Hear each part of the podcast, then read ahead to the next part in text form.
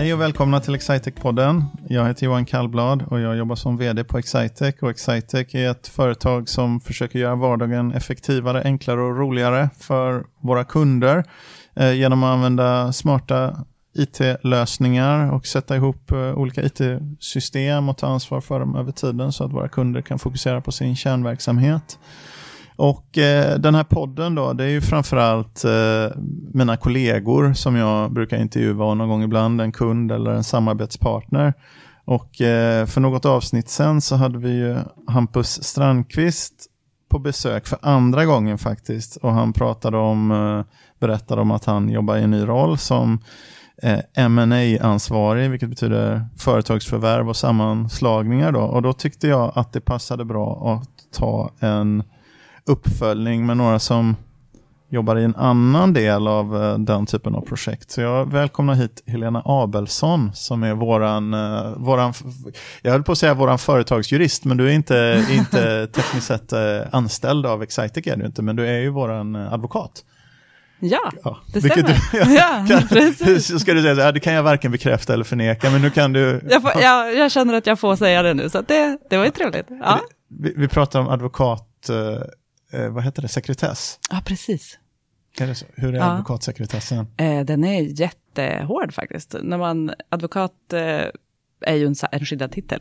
Och en av de grejerna som är, som är väldigt eh, sträng för advokater är just sekretessen. Så man får inte berätta vilka man jobbar med om inte de berättar det först själva. Eh, som exempel, om man kan bara tvingas vittna till exempel, om det, om det kan följa minst två års fängelse på det som man vittnas om. Annars är det en absolut tystnadsplikt. Ja. Tänker, man har ju mest sett sådana här brottmålsadvokater mm. på tv. Kanske av den anledningen sekretessen ja. kom till. jag tror inte att det handlar så mycket om, men det kan i och för sig, du sitter mm. ju väldigt, även i relation till oss, väldigt mycket med sekretesshandlingar. Mm. Du vet ju i, om, innan vi avser, i princip i alla fall, innan vi avser göra ett försök att förvärva ett bolag. Definitivt innan omvärlden vet om det så mm. vet ju du om att vi håller på med det. Så det är ju skäligt att det finns sekretess. För om du hade ringt runt och sagt till någon annan om vad vi håller på med, det hade ju kunnat förstöra hela... Börja sälja reklamtjänster. Exakt. Nej, och det är ju det som är hela syftet. Man ska ju känna som, som när man kommer till oss att man kan eh, säga precis vad som helst. Och eh, ofta mer än vad man säger internt också till sina anställda. Eh, så det är ju en en superviktig plikt. Men du arbetar alltså som advokat mm. på advokatfirman Delphi? Stämmer. Stämmer. Ja. Och mm. advokatfirman, och vi anlitar dig som vår, du är vår företagsadvokat, mm. kan vi, tycker vi, och det får du säga, men du jobbar även åt andra, mm. möjligen, men det kan du varken bekräfta eller förneka då. Kan finnas någon klient till, men... ja, just det, men ja, vilka precis. de är kan vi inte prata om på den här på den här podden. Men jag tänkte, Helena, för att det här eh, jurist, alltså vi konstaterar så här att vi, ja, ni är en leverantör till oss, och det, mm. det är det ju, vi, men, men vi har ju, ni levererar ju kan man, kan man säga, alltså Delphi blir en leverantör till oss, men det är så mm. tydligt mm. på advokateriet att ni gör någonting som inte vi gör själva. Mm. Alltså, så det är ju ett komplement i en helhet när, mm. man, när man gör ett företagsförvärv till exempel. Och, mm har ett avtal som man ska gå igenom så vill ju alla parter också att det ska gå korrekt till, att det inte ska Exakt. bli några, några hål och tveksamheter och det är så tydligt att det är en kompetens som inte mm. vi eh, har in-house mm. för det är för oregelbundet för oss. ja, precis. Ni gör ju ändå en del förvärv. Eh, exakt. Det finns ju många bolag både på köpar och säljarsidan som kanske gör det en gång. Mm. Eh, och det är klart att man inte vet hur det går till, medan vi som jobbar med förvärv gör eh, 8-10 förvärv om året. Eh, och, och ser en del både väldigt lyckade och väldigt kraschade relationer. Och vår roll är ju lite, kan man säga, ja men dels naturligtvis få till ett avtal som känns som att det funkar för båda parter, blir bra för klienten, men också lite kanske hjälpa parterna att prata om de lite svårare grejerna, för vi vill ju undvika att det blir bråk i efterhand. Vi vill ju att det ska bli lyckat. Mm. Liksom. Jag tänkte att vi, vi skulle prata lite IT-juridik sen också, för mm. det är också något som vi använder dig till. Ja. Eh, men, men om vi pratar om det här med förvärveriet mm. lite grann, så bara hur går det till då egentligen? Jag, jag ringer dig typ och säger du, nu har vi en grej här. Ja, nu nickar du nästan himla så, ögonen. Men så, vad... så går det alltid till. Ja, så går det alltid till. Ja. ja precis. Eh, och det är alltid jättebråttom. Nej, men typiskt sett kan man säga att vi kommer in någon gång i början av processen. Eh, oftast där man redan har hittat varann och fattat lite tycke. Ofta går det till så att man börjar prata pris, för någonstans så kommer man inte överens om priset så är det onödigt att göra resten egentligen. Så det brukar jag säga, att försöka komma överens om någon form av prisnivå som båda parterna kan köpa. Sen brukar man teckna ett sekretessavtal, för det är klart som köpare får man ju se får och vill och bör se i princip allt om det bolag man ska mm. förvärva. Och som säljare ska man lämna ifrån sig allt och det kanske till och med till en konkurrent. Så ett sekretessavtal och sen efter det så går man in på vad som kallas för en due diligence, eh, som ju betyder vedervärdig aktsamhet på engelska. Eh, alla sådana här transaktioner är av någon anledning helt eh, överväldigat av eh, engelska begrepp. Och det är en sån. Och det är egentligen en, en besiktning av företag. Man kan se det lite som när man köper ett, eh, en, ett hus. Då ska man ju kika på grunden och se om det finns någon vattenskada. Och se. Och det, det du kan hitta vid en besiktning får du sen inte åberopas som fel. Och det är samma princip egentligen. Så man kikar igenom avtal, ser om de ser vettiga ut, finns det stora riskexponeringar? Hur ser de anställ anställningsvillkoren ut? Eh, tillämpar man LAS till exempel? Följer man kollektivavtalet? Och så vidare och så vidare. Eh, för att helt enkelt se, är bolaget faktiskt värt det man är beredd att betala? Eller finns det stora kostnader och risker som man vill kanske få ett avdrag för. Och hitta det liksom, när man pratar och istället för efterhand. För, det, för oss nu kan man säga att sekretessavtalet, det, gör vi antag, det är väl antagligen ni som har gjort. Vårt sekretessavtal har väl ni gjort, men vi kan ju upprätta ett sekretessavtal nu på den mallen som, som mm. vi har fått eh, från er nästan utan det är om vi kommer på något specifikt som vi behöver ja. hjälp med. Och sen, men sen när vi gör sådana vederbörlig granskning då, då, då, sitter vi ju ner tillsammans och mm. bollar lite, för ni har ju en, en utgångspunkt som det här är vår standardmall, men så kan det visa sig, ja det är klart det här är inget fastighetsbolag så vi behöver inte granska liksom uh, fastighetsrelaterade saker. Behöver ställa tusen miljörättsfrågor Nej. till exempel. Nej. Nej. Och så går vi, så, men då brukar vi sitta ner tillsammans och mm. uh, gå igenom den utifrån er långa frågelista och ta mm. fram en något mindre. Eh, frågelista då, mm. som vi skickar till. För det är ju en överväldigande process för bolaget som blir utsatt för att säljas. Det blir ju ja. egentligen att de ska rensa i alla sina byrålådor och kolla på alla sina förhållanden. Och rätt ofta i ägarledda bolag så sitter ju kunskapen sitter ju i huvudet på mm. ägarna rätt ofta. Eh, så det är en utmaning att försöka se vad som finns dokumenterat och så. Man kan ju nästan bli ovän med varandra i eh, i den här besiktningsprocessen. Inte på grund av vad man egentligen hittar utan på mm. grund av att processen är, för de, de här personerna driver ju sin verksamhet som vanligt men mm. så måste man ställa, så måste man svara på massor av frågor kring sånt som bara har funkat. Liksom, hur är din avtalsrelation med den här kunden mm. egentligen mm. som är er största kund? Och så vidare. Men vi känner varandra jättebra för vi har jobbat tillsammans i 15 år. Ja, absolut, men hur är avtalssituationen? Exakt. Liksom. Den är... Man känner sig ju ofta ifrågasatt och utsatt. Och mm. dessutom vill man ju ofta som säljare hålla kunskapen om att det ens pågår en process inom en rätt begränsad krets. Så det blir ju liksom arbetsintensivt att man ska försöka driva på sin vanliga verksamhet som mm. vanligt. Eh, och så ska man på kvällar och helger sitta med det här som, som mest känns som ett påhopp i många fall. Ja. Så att det gäller ju, men det är en, en sån sak som jag tycker att ni har gjort väldigt bra på Excitec, när jag har sett er, det är att ni har varit väldigt bra på att lämna liksom, tydliga besked till de som ni förhandlar med, men på ett ändå vänligt sätt som gör att man ändå behåller relationen. Eh, och det tror jag är superviktigt, att man skiljer på sak och person och förklarar varför man gör saker. Men jag tror ändå det är jobbigt, för det, det hade, varit, hade man köpt en fastighet, då kan man ju säga, men då är ju fastigheten, när den byter ägare så har det, det övergått. Men här, här pratar vi om verksamhet som är beroende av människor mm. och människors hjärta och passion och liksom skaver man bort hela hjärtat och, och, mm. och, passionen i en sån här process, då kan det ta en tid att, att, att komma igen. Absolut, och i, i, alla andra fall än att du köper köper någon, någonting som liksom går att ta på. Att du, du, vill åt en, du vill åt en industri med en maskinpark. Det är ja. det som är intressant. Eller du vill, du vill ha de här patenträttigheterna eller vad det nu kan vara. I alla andra fall så är det precis som du säger. Mm. Eh, och det tror jag många köpare underskattar. Att man tänker att man köper en resultatgenererande maskin och så ska den fortsätta generera resultat på samma sätt. Men man underskattar det mänskliga i att försöka integrera och mm. behålla peppen hos de här entreprenörerna som det ju ofta är. Att de ska gå över och bli anställda och, och fortsätta vara och, och ofta peppade. är det kanske den viktigaste personen i den här verksamheten som är också den som får bära den största delen av informationslämnandet. Mm. Som alltså blir hårt belastad. Men jag har ju varit i båda köpar och säljaränden mm. faktiskt av det här och det ger en viss, tror jag i alla fall, en viss empati mm. för, för hur mm. trött man kan vara i slutet av en sån här eh, process mm. som, som säljare. Mm. Sen känner jag brukar tänka på det som du pratar om det också. Dels pratar vi om det tidigt med de andra. Ni förstår att det här kommer vara jobbigt. Mm. Så att även det är inte egentligen att komma överens om prislappen som är det jobbiga. Det är ett villkor men det är bara en sak man gör. Mm. Sen har man, man gjort det.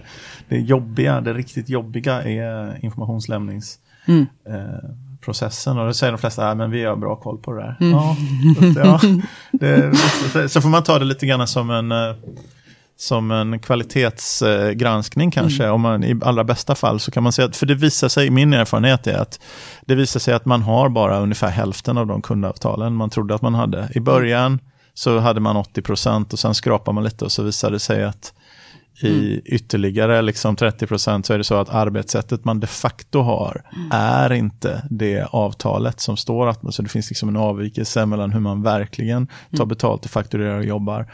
Jämfört med vad det står i avtalet så kan man säga att det är egentligen bara 50 mm. av avtals av kundrelationerna som regleras av ett avtal som beskriver vad man verkligen gör. Det är min, min typiska erfarenhet. Absolut, det håller jag med um, Och särskilt om det är så att kunderna eller, eller avtalsmotparterna är mycket större bolag om man har skrivit på deras liksom, standard, eh, då är det ju i princip alltid så att, eh, att det finns ammunition i avtalet kan man säga, som motparten bara plockar fram om det blir bråk. Mm. Och det är klart att ägarskifte kan ju vara en sån situation, så därför blir det ju liksom, den formalien blir viktigare då, eh, när det blir en, en stökighet i bolaget än i löpande vardagen. Men du, Helena, mm. första gången som du och jag gjorde, för jag tänkte på så gradvis här, för vi gör lite grann i början, ni hjälper oss, men mest av informationshämtningen mm. gör ju vi själva. Och sen så kommer vi i en process, sen gör ju ni lite mer, för när vi kommer till avtalsdelarna, kan mm. man säga utifrån hur det är för oss, då gör ju ni nästan hela eh, den eh, biten. Alltså vi berättar den här och den här den här saken oroar oss och mm. sen så fäster ni juridiskt eh, eh, ord kring det. Mm. Men jag tänkte på en sak innan då. Kommer du ihåg första gången som vi träffades? Mm. Ja, det gör jag. Var, ja, eller hur? När var det? Kommer du ihåg när det var? Eh, jag, jag tror det var. att det var... Kan det vara 2012? Det är 2012, ja. ja. Det var ja. ett tag sedan. Exakt. Eh, vi, vi träffades vid den här tiden på året faktiskt. Mm. Uh, ungefär, så vi är början på juni nu. Fint väder uh, även då. Ja, uh, och då gjorde vi en, en process. För nu känner vi att vi står för det mesta av informationshämtning och så vidare. Det gör vi mycket. Men då var vi ju och tittade på, då jobbade vi tillsammans i den här sortens mm. projekt på ett företag som av olika skäl inte hade Ska vi säga att de inte hade riktig ordning? De hade väl ingen extrem oordning, men de hade ingen riktig överblick. Nej, det var väldigt svårt att bottna i frågor, i min minnesbild. Ja. Eh, det var ju på den tiden då man eh, eh, satt i ett konferensrum och kikade i pärmar. Nu sköts ju det mesta sånt digitalt när man gör den här processen. Ehm, men jag minns det som att det, vi såg ett gäng risker ja. som var väldigt svåra att veta hur man skulle ställa sig till dem. För det gick liksom inte att bottna i frågorna. Det, det gick inte att, att, att riktigt säga åt vilket håll det skulle väga. Jag tror att de hade haft ett problem. Det var ett företag med väldigt stark marknadsposition i ett väldigt smalt visserligen, men ändå mm. inom ett segment som vi var intresserade av. Mm. Eh, faktiskt lite grann som Hampus berättade om det här senaste. Vi hade ett, har ett segment nu då med CRM-system mm. eh, där vi förvärvade, du biträdde oss här nu när vi förvärvade ett bolag i Karlstad som mm. stärker oss. De är mycket starkare på ett CRM-system som vi redan jobbar med och har mm. viss kompetens inom en viss marknadsposition på. Är de mycket starkare så vi tar ett stort kliv mm. i det. Och det här var ett annat system, inte CRM då, men det var ett annat system som de hade en väldigt stark marknadsposition i. Men mm. av olika skäl så tror jag personal hade, hade försvunnit och mm. så vidare. Och de mm. hade inte haft någon riktig ordning. Och så lite pressade kring lön, både lönsamhet och likviditet mm. tror jag. Mm. Och eh, det gjorde ofta när man, eh, när man har det så kan man ta till kortsiktiga åtgärder. Och när man tar till mm. kortsiktiga åtgärder då då är ju inte alltid liksom dokumentation om varför och hur. Det blir ett lapptäcke av, ja. av saker som är svårt att förstå i efterhand kan man säga.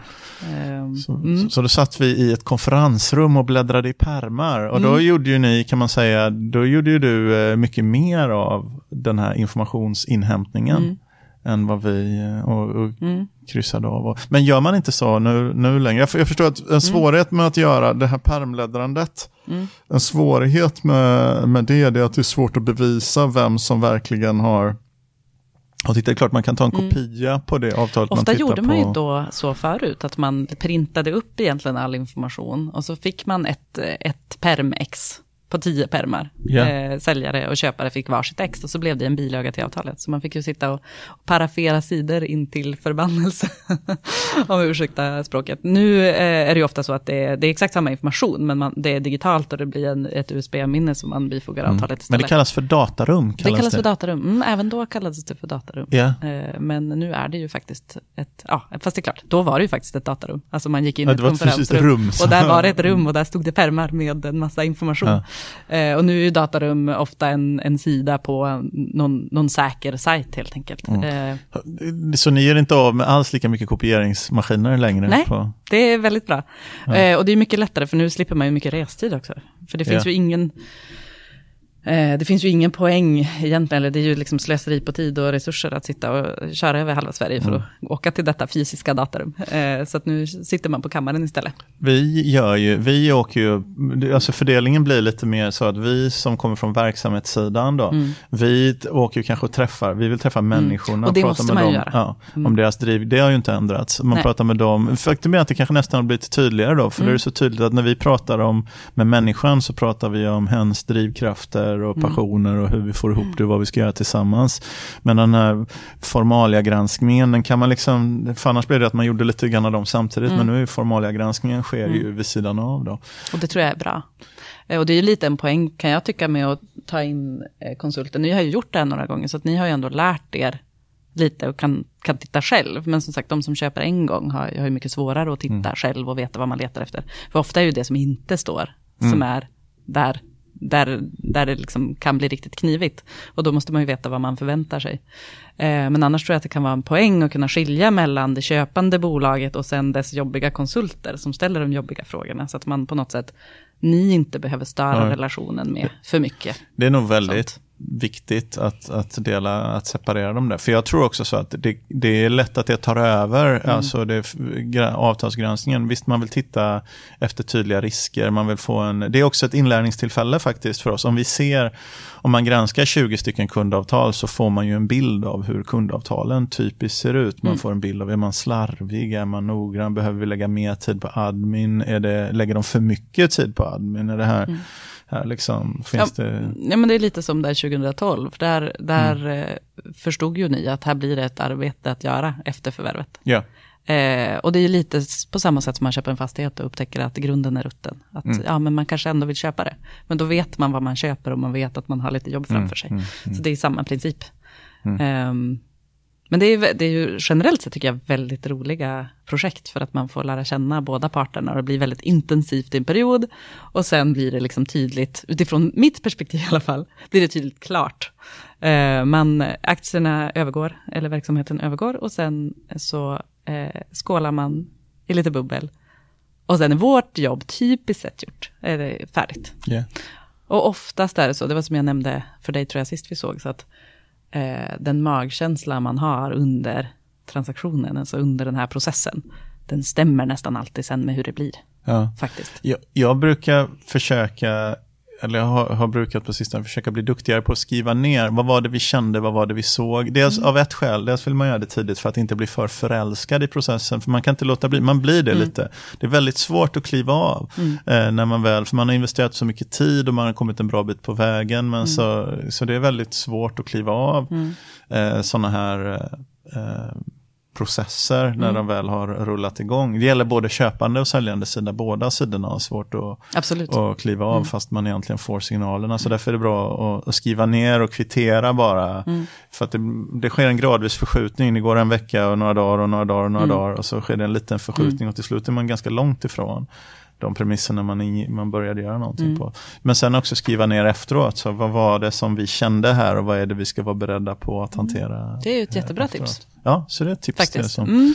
För ja. Avtalet är all ära, eh, mm. men avtalet är ju på något sätt, eh, i de här sammanhangen så är det ju försäkringen för den som köper. Ja. Och det är lite skyddet för den som säljer. Eh, det är ju inte tänkt att det är ett avtal som ska tillämpas sen. Nej, alltså Utan förhoppningen är ju att man har vänt på alla frågor och, och att man, eh, man inte behöver titta i det sådär jättemycket. Det överlägset vanligaste är ju att man inte tittar igen i avtalet efter mm. att man har upprättat mm. det. Det är som man, de bilagor man brukar titta i, dels kan faktiskt datarummet om man har det på USB-sticka, det kan mm. vara snabbt ställe mm. och söka information. Det var mm. inte det fysiska gamla datarummet. Men om man behöver, hur var det nu igen med hyresavtalet i Karlstad? Liksom? Ja, precis. Och så har man så, det strukturerat. Ja. Så det kan, vara, det kan faktiskt vara en mm. användning man har ibland av det. Men, men det andra, sen kan man titta i de här prisbilagorna som säger när ska man skicka pengar och hur och så vidare. Mm. För det finns ju ofta någon del av köpeskillingen som inte betalas ut direkt. Mm. Utan att någon som man kommit överens om som en del i någon riskhantering mm. så har säljaren vissa åtaganden som ska mm. levereras över en viss tid. Där är ju tips kan jag ju i och för sig skicka med jag kommer inte ihåg om vi pratade om det, men att man liksom redan när avtalet tecknas lägger in i sin kalender de här viktiga mm. milstolparna och gärna lite tid innan så man hinner förbereda. och sådär. Precis, för då, då går man ibland in och tittar, hur var det nu igen? Ja, exakt, exakt, exakt. Men, men, men annars är det ju en försäkring. Ja. Det är ju det ett, ett aktivlottsavtal är, mm. eh, kan man säga. Alltså villkoren för den försäkring man som köpare köper in sig med, med garantier och skadeslöshetsåtaganden och sådär. Mm. Som, som gäller, och då är det någon typ av eh, reklamationsrätt i ett, två år kanske. Ja. Eh, men Helena, när du inte mm. jobbar med företagsförvärv då? Mm. Vad gör du då? Eller vad kom, du kommer inte från Linköping? Nej, jag. jag. är från Umeå, eller jag är från en liten by tre mil norr om Umeå. Eh, så att, eh, väster, västerbottning. Ja. Men från en plats, studentstad, till en annan, så jag känner mig rätt hemma. Ja. Det är blåsigare här, har jag konstaterat. Det var illa, och mindre snö va? Ja, mindre snö. Mm. Ja. Um, men, eh, så hur, men hur hamnade du i Linköping? Jag är en indirekt import till universitetet kan man säga. Min, yeah. min sambo började plugga här när jag var i slutet av juristutbildningen. Eh, och så eh, fastnade vi kan man väl säga. Men han pluggade i fem och ett halvt år och då hinner mm. man ju rota sig rätt yeah. rejält ändå. Eh, och sen har eh, resten av min familj följt med, eller för sig, min bror började, han pluggade, flyttade till Linköping år 2000. Ja. Och sen har mina föräldrar flyttat efter också. Så nu är vi som en liten okay. västerbottnisk enklav här nere. Åh oh, gud vad spännande. ja. ja. Um, det måste jag skriva upp här. um, vad, och, eh, men, men, vad gör du? För, för du jobbade ju på, när vi lärde känna varandra så jobbade mm. du även då på advokatfirman mm. Delphi. Men sen var du ute och gjorde det här spännande, bara för, för oss som inte kan någonting mm. om advokatlivet. Men det här med att sitta ting och sånt. Ja, var, det var, gjorde jag ju. Ja, kan inte du berätta om det? Eh, det hade jag ju tänkt, okunniga. sen satt jag inte färdigt i och för sig, men jag hade tänkt eh, att eh, sitta ting redan från början, för jag hade jobbat på Umeå tingsrätt när jag pluggade och tyckte att det var spännande, för det är ju, det är ju rätt spännande. Då jobbar man ju med eh, brottmål och vårdnadstvister och sådana grejer som man... När folk inte är lika överens? Nej, de... precis. Ja. Precis, när samhället får liksom rycka in så eh, ingripande som, som, som samhället får, kan man ju nästan säga. Um, så då hade jag jobbat tre år på Delphi. Jag hade tänkt att jag skulle sitta ting egentligen efter, redan från början. Men sen efter ett år så kände jag att nej men jag är inte klar. Och sen efter två år så var jag fortfarande inte klar. Och sen efter tre år så kände jag att antingen så gör jag det nu eller så kommer det inte bli av. För, bara beskriv en gång, med, mm. sitta ting det är som juristens motsvarighet till värnplikt ungefär. Ja men lite så kan man säga, eller vad är, vad är, läkarnas AT. Ja, läkarnas AT. Men mm. vad är det, är det någonting, man måste göra detta för att kvalificera? Eh, om man vill bli åklagare eller domare ja. så måste man sitta ting. Och sitta ting betyder att man jobbar som notarie på en domstol.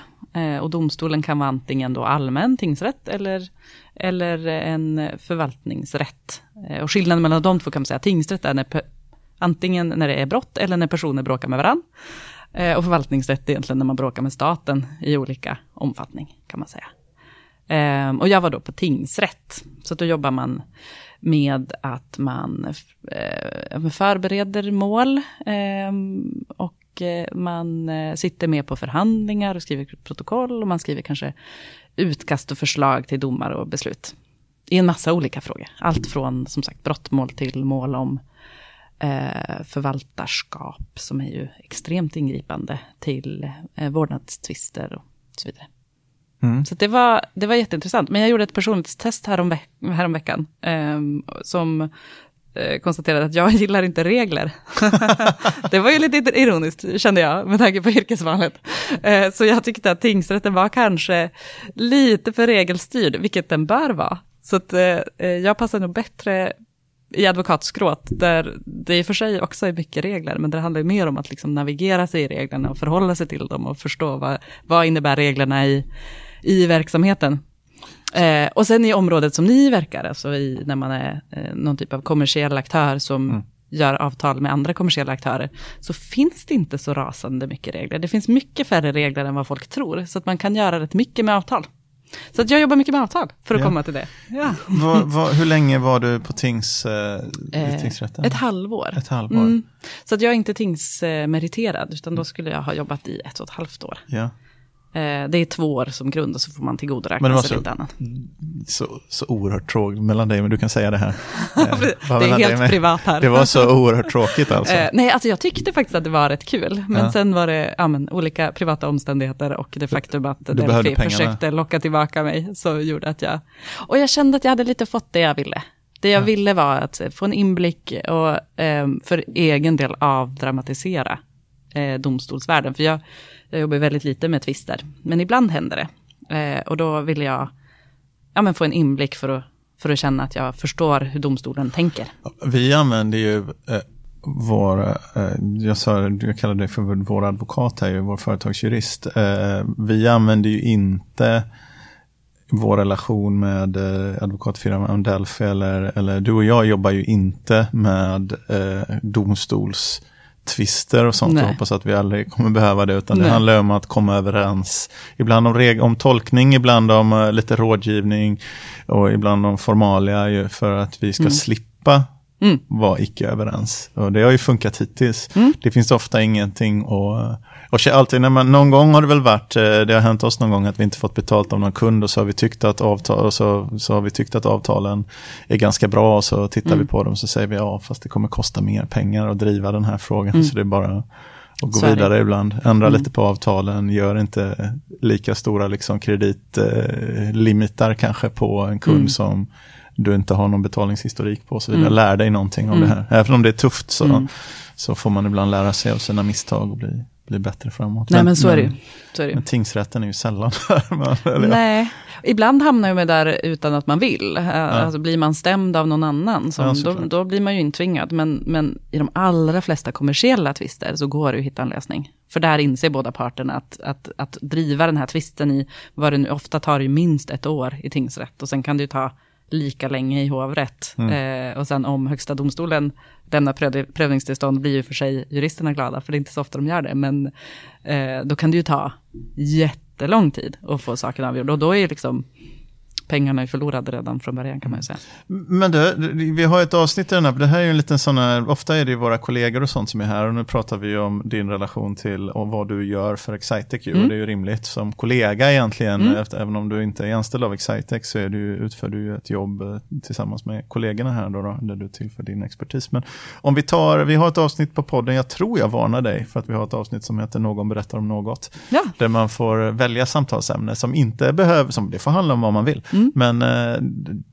då är det framme vid någon berättar om något avsnittet och det är du som är någon Spännande. idag. Så därför undrar jag, vad, vad vill du prata om idag? Om du får välja ämne själv. Um, ja, men jag kan tänka mig att fortsätta prata lite om avtal. Det är, en, det är i och för sig en sån grej om någon hade sagt till mig när jag precis hade börjat plugga jurist, eh, att eh, du kommer tycka att det är jättekul att skriva avtal, gärna så komplicerade som möjligt. Då hade jag tittat på dem och sagt, nej, det låter verkligen inte som jag. Men det ska jag vilja prata om, för det finns så mycket som är en väldigt basal avtalskunskap som kan förhindra rätt mycket tråkigheter. Så det ska vi kunna prata om. vi kan börja vid offerten, som är egentligen avtalets första stadium, kan man säga. För det, det man, eh, det många egentligen vet är att en offert är bindande, vilket betyder att har du lämnat en offert till någon så kan ju de bara tacka ja. Så att i offerten har du liksom första möjligheten att utforma ditt avtal. Så då finns det sådana här hygienfaktorer som jag tycker att man ska tänka på. Och en sån är ju liksom giltighetstid på offerten, särskilt om din verksamhet är personberoende. Um, alltså, säger du att, att Johan ska jobba med det här projektet i heltid mm. i ett år till, då vill du kanske veta hur länge du måste hålla Johan på reservation för att göra det här projektet. Det finns ingen sanning i att offerten måste vara giltig i 30 dagar. Alltså det är bara, så, det är bara ofta att det står så i offertmallar. Yeah. Står det ingenting så gäller skälig tid. Och vad det är, det beror ju såklart på. Och det kan ju vara jobbigt. Det är klart, säljer du ett parti färska räkor så är kanske 30 dagar lite lång tid. Men säljer man stridsflygplan till eh, Sydafrika? Exakt. Ja. Exakt, då är offerten, då är 30 dagar lite kort. Lite kort, ja. Precis. Så det är en sån sak. En annan, ett annat vanligt missförstånd, det är liksom om man vill hänvisa till sina allmänna villkor hur man behöver göra det och när man behöver göra det. Bästa tipset är att skriva med i offerten en hänvisning. Antingen om man har dem på sin hemsida så kan man ju hänvisa dem till, till dem med en länk eller så kan man skicka med dem. Eller om det är liksom allmänt förekommande, liksom lätt att få tag på mm. allmänna villkor. Och det är som sagt business to business, och, alltså det är inte en konsument på andra sidan. Som it-företagens allmänna bestämmelser, it projekt Exakt. 2014. Precis, då kan man bara skriva det. Och då mm. blir det typiskt sett bindande. Yeah. Men eh, glömmer du bort det här och skriver det först i fakturan, vilket som ibland händer, då blir det inte en del av avtalet ah. och blir inte bindande. Och där brukar man också prata om så här, the battle of forms. Om du hänvisar till dina allmänna villkor i offerten, och så svarar kunden och säger så här, ja ah, men jättebra, här kommer en orderbekräftelse och hänvisar till sina allmänna villkor. Ja. Då är det liksom det senaste som gäller. Så då gäller det att då snabbt svara och säga så här, ja men superbra, men du, då måste vi kanske förhandla om de allmänna, allmänna villkoren. Vi vill ha de här. Eh, så. Så det handlar väldigt mycket om, liksom, det tidiga avtalsarbetet handlar väldigt mycket om tydlighet. Och att kommunicera på ett sätt som gör att det, för någon som läser det senare, att man förstår så här, okej, okay, ja men jag ska leverera det mm. här vid den tidpunkten, det kostar så här mycket pengar och det här är i övrigt liksom, ja men fel, skadestånd, ansvarsbegränsning och så. Så det är ett bra tips. Och man behöver inte gå till en jurist för allting, utan man, man kan ju faktiskt låta en kollega läsa till exempel. Förstår du det här? Vad, vad, vad tycker du att det här säger? Och om kollegan säger ungefär det du menade, så betyder det sannolikt att det står det. Mm. Okay, ja. det, det kan man ha som tumregel.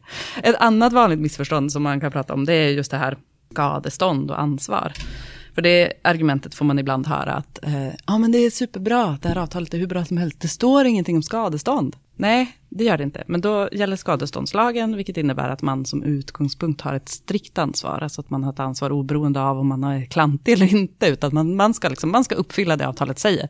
Som är obegränsat i både typ av skada och belopp. Så det är en sån vanlig missuppfattning som man vill stöka bort och säga att, att skadestånd är jätteviktigt att reglera. åtminstone om du är på den sida som kan riskera att orsaka en skada. Men eh, visst är det så att i våran, vår, jag blir lite nervös här, men mm. visst är det så att för våra, om vi har med våra allmänna bestämmelser mm, så täcker de mm. skadestånd mm. väl? Ja, det är det som är så bra med allmänna bestämmelser, för då ja. innehåller de regleringar kring det som man tycker är rätt deppigt att sitta och prata om. Mm. Typ skadestånd. För, för om till sakens natur, det är mm. det luriga där med att man får ju en, en liksom avtalen har ju en slags negativ, offerten har ju som en positiv glädjefull mm, stämning. Mm. Se vad vi ska kunna, ja. upp, se vad snygg du kommer bli i den här bilen, mm. liksom, mm. typ av grej. Mm. Liksom, se vad målet du ska kunna uppnå. Och sen avtalet blir ju, som är liksom offertaccepten, men det man pratar om är ju, ja men tänk om det inte blir så. Tänk om vi förstör och raderar all din data, kära kund. Ja, och så står det om att vi, ja, och då är vi mm. bara begränsat lite ansvariga mm. för det. eh, och, mm. och, och, den är ju, mm. då blir det liksom negativa förtecken och det är väl därför mm. många som är på liksom kommersiella sidan tycker det är jobbigt det är att klart. ta sådana där negativa frågor. För sen är det ju, men, men sen anledningen till att man måste göra det, det är ju ganska det är ju självklart och basic mm. såklart, men det är att för i det läget, i det fåtal lägen då du verkligen hamnar i läget mm. och det verkligen inte har gått bra och det verkligen är jobbigt, ja, då är man ju redan när man börjar, då är man ju in, inte glada i varandra och man är Nej. inte överens. Och då är Nej. det väldigt viktigt att ha så tydligt som möjligt för mm. att säga det här var det vi var. Och att man redan när man signar på, att man förstod vad det mm. var man var överens om. Och sen ville ingen hamna där, men om man mm. ändå hamnar där. För det är jättesvårt att sitta och komma överens mm. när man, in, när man liksom har misslyckats med någonting Absolut. Eh, och då, gemensamt. Och förhoppningsvis så kan man bara peka och säga så här, ja men det står så här, jag är och, och, så kanske man kan komma, eh, även om ens, ens kund eller leverantör kanske inte köper det man säger rakt upp och ner, så har man ändå någonting att utgå ifrån och ja. en överenskommelse. Eh, jag jobbade i en twist för eh, en massa år sedan, då det, hade, det var hetsigt, det var en, en stor maskin som skulle levereras mitt i sommaren. Det kom ett gäng olika offerter med olika tekniska specifikationer, men vissa offerter hade mejlats, vissa hade lämnats över mm. för hand och det gick inte att spåra vilken offert som var den slutliga. Så att då var, var vår klient och motparten tvungna att bråka jättelänge om vad var det ens de skulle leverera. Det är så onödigt. Så man kan tänka smart kring de där allmänna villkoren. Alltså om man kör en hänvisning, det är superbra att ha egna allmänna villkor om man kan. För de allmänna är ju bra, ja. men de är ju såklart allmänna och inte... Det, det, det finns vissa grejer som är lite för generella för att riktigt tillämpas. Och det finns men de är absolut bra. Och IT och telekomföretagen säger ju sånt som är superbra om man är IT-leverantör. Mm vet inte om jag vågar säga det här, men lite sämre om man är kund. Men, Verkligen inte. men, men, men som är väldigt bra. Men generellt är ju ett tips att om de allmänna villkoren är liksom tvåspaltiga och finstilta och typ ser lite så här fasta och pdf-ade ut, då är det jättebra. För då kan man bara skicka med dem som en bilaga och så blir det mycket mindre diskussion än om det står i själva huvudavtalet. Kan jag få på den här avtalssidan, för mm. du sa så här, jag, en kommentar och sen en sak som en myt som jag skulle vilja att du att du eh, kommenterar. Men det, det, första är som, som jag, eh, för det, du sa så här att du gillar att jobba med så krångliga avtal som möjligt. Men visst är det egentligen nästan det omvända, att man ska försöka göra så enkla avtal som möjligt, men inte enklare än vad som är möjligt. Så det är ju som möjligt som är, exakt, som är nyckelfrågan mm. i det där. Sen kan ju så enkelt som möjligt kan ju fortfarande vara för man kan aldrig göra dem så enkelt som du skulle kunna hitta på dem, för då kommer de inte vara tillräckliga. Nej, så är det. Eh, men så enkelt... Ofta är det så att rätt enkla idéer leder till komplexa avtal. Ja. Men nej, men det är precis som du säger, och när jag, när jag säger så krångliga som möjligt, då är det egentligen när det man försöker beskriva är krångligt. Jag jobbar rätt mycket med, med, med teknik och kunskapsintensiva mm. företag, där själva tekniken är krånglig. Och där handlar det ju om att försöka få ner det, få ner affärsmodellen på pränt på ett sätt som ändå blir förståeligt. Men det är ju precis rätt, krångliga avtal får amerikanerna pyssla med. Det, vi försöker ändå hålla dem så enkla som mm. möjligt. Man vill ju att de, man ska förstå dem. Alltså man vill ju ändå att man ska mm. kunna läsa dem, förstå dem, sätta ihop dem och förstå vad det innebär. För även om det är avtal som är förmånliga, om de ställs på sin spets, så vill man ju att ens motpart ändå ska ha möjlighet att faktiskt följa sina åtaganden i avtalet och förstå vad de har för åtaganden. Den, eh, här myten som jag skulle vilja ha en kommentar på, det är att eh, det på något sätt är bättre som köpare att inte skriva under avtalet. Men att agera i mm. enlighet med det. Så att jag, jag, skriver inte under det här för jag gillar inte riktigt någon kommentar men sen så jobbar vidare. Vad är det som gäller om man inte har skrivit under ett avtal och sen ändå jobbar? Alltså, på det sättet som... Problemet med det, det kan man ju säga att det är lite som, eh, det är lite som mitt offertexempel när det fanns en massa olika offerter. Du kommer ju ha ett avtal. Det är inte så att du inte har ett avtal, för du, du, du har ju parterna någon typ av relation som man jobbar efter. Eh, och blir det en skarp tvist så kommer man måste lägga jättemycket tid och resurser på att ut, reda ut liksom, vad var det, vad är avtalet? Och den mest sannolika tolkningen är ju att det senaste utkastet återspeglar vad parterna kom överens om. Åtminstone om man eh, jobbar typ, typ på det sättet, om man säger så. Så det är inte så att du kan låta bli att skriva under ett avtal och säga så här, nej men jag är inte bunden av de här villkoren. Så är det, riktigt så är det inte. Utan det är snarast att man hamnar i en, man hamnar i risk för en tråkig diskussion. Sen är all förståelse för att precis där och då, eh, och när man sitter och verkligen vill ha den här affären, att man inte kanske vill förhandla precis där och då. Vad gäller om eh, den eh, som skriver under ett avtal inte har eh, firmateckningsrätten? Mm. Är det vanligt? Eh, att ett företag ja, säger, vi säger så här, ja men det är mm. visserligen mm. unders underskrivet av mm.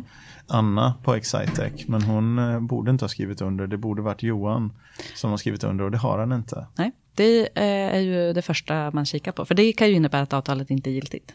Alltså att man inte blir bunden av det. Sen kanske du har godkänt avtalet genom att agera efter det och du kanske har varit med i korrespondensen. Och så det, man kanske ändå kan vända på det och säga. Men det är ju typiskt sån, eh, sån grej som man kikar på. För är det så att det är någon som har eh, skrivit under ett avtal som inte var behörig, mm. eh, alltså att man hade inte den rätten och motparten som man eh, gjorde affären med, eh, borde ha förstått det också. Då, då blir avtalet inte giltigt. Det är lite om, om du tänker, sen, men sen finns ju liksom, behörigheten kan ju finnas, det är ju inte så att du måste vara firmatecknare. Om eh, du går in på ICA Maxi och köper apelsiner så ingår du ett avtal med ICA Maxi. De flesta eh, som sitter i kassan har inte firmateckningsrätt för bolaget, men de har ju en behörighet att sälja apelsiner till exempel. Men går du in och sticker under ett eh, fastighetsöverlåtelseavtal där du vill köpa hela ICA Maxis fastighet, då är det rätt tydligt att den i kassan då? Kassan har sannolikt, det kan ju vara så, men sannolikt är det inte firmateckning. kan sälja apelsinerna ja. men inte fastigheten. Exakt, exakt. Så är man osäker då, eh, om man, vem man har att göra med och de har någon konstig titel och man förstår inte vad de är, så kan man ju dels gå in och titta, det finns alla bolag till exempel. Eh, mm. Allabolag.se kan man titta vilka som är firmatecknare. Och så kan man ställa frågan är det okej okay för dig att skriva på det här avtalet? Jättelurig sån sak är vds behörighet till exempel. Eh, för du som vd i ett, i ett eh, it-bolag har in, inom ramen för din löpande förvaltning så är det ju absolut säkert att teckna kundavtal som kan vara värda jättemycket. Men du får nog inte sälja eller köpa fastigheter. Till exempel. Nej. Eftersom det inte liksom ligger Och jag får inte inom. sälja bolaget. Och du får inte sälja bolaget. Till exempel. Eh, och du får kanske inte ens köpa bolag. Nej. Kan det vara. Nej. Men i vissa liksom... Ja, eh, utan styrelse. Exakt. Utan styrelse. Men i fastighetsbolag till exempel, mm. då kan ju vara både köpa och sälja fastigheter och bolag som äger fastigheter kan vara löpande förvaltning. Så det där beror ju liksom på. Vet du om, Helena, nu har vi pratat ganska mycket avtalsrätt här. Mm. Och jag tror att vi faktiskt har spelat in det längsta avsnittet hittills. Är det sant? Ja, jag tror faktiskt det. Så jag hoppas att våra eventuella lyssnare är lika intresserade av det här ämnet som du och jag är. Men... Vem kan ha lyssnat så här länge? Nej, men jag, jag skulle... Johan och berätta. Ja, exakt. Men jag, jag, skulle vilja tacka dig så väldigt mycket för mm. att du ville komma hit. Och eh, det var jätteroligt att ha dig här. Och vi kanske får ta något eh, så här IT-juridisk uppföljnings... Eh, ah, lite mer nischat. För nu vart det mer, mer avtal och lite företagsförvärv, men det var, det var jättebra tycker jag. Mm. Eh, och sen så vill jag alltså hävda till, eh, till eh, då, som jag brukar göra till lyssnarna, att om man är intresserad av att arbeta på Excitec så går man in på excitec.se och letar upp vår karriärsida och så lägger vi ut där hela tiden vilka sorts jobb-openings, vilka aktuella tjänster vi har, men eftersom vi pratat så mycket avtal här så vill jag också slå ett slag för att gå in på Excitex webb och eh, eh, titta på vad vi sysslar med och hur man kan använda IT för att eh, automatisera och göra sin verksamhet Eh, effektivare och eh, få det roligare och enklare på jobbet då och även eh, komma i närheten av de här spännande avtalsvillkoren som Helena har pratat om. Då. Så ni får gärna kliva in på vår webbsida om ni vill köpa något. Och advokatfirman Delphi vill vi också tacka mm. så mycket för dels vårt långa och goda samarbete och vi slår ett slag för advokatfirman Delphi här. Tycker jag. Ja men det låter väl trevligt. Ja, så ja. Tack så mycket för att du ville komma tack hit. Tack själv, jättetrevligt.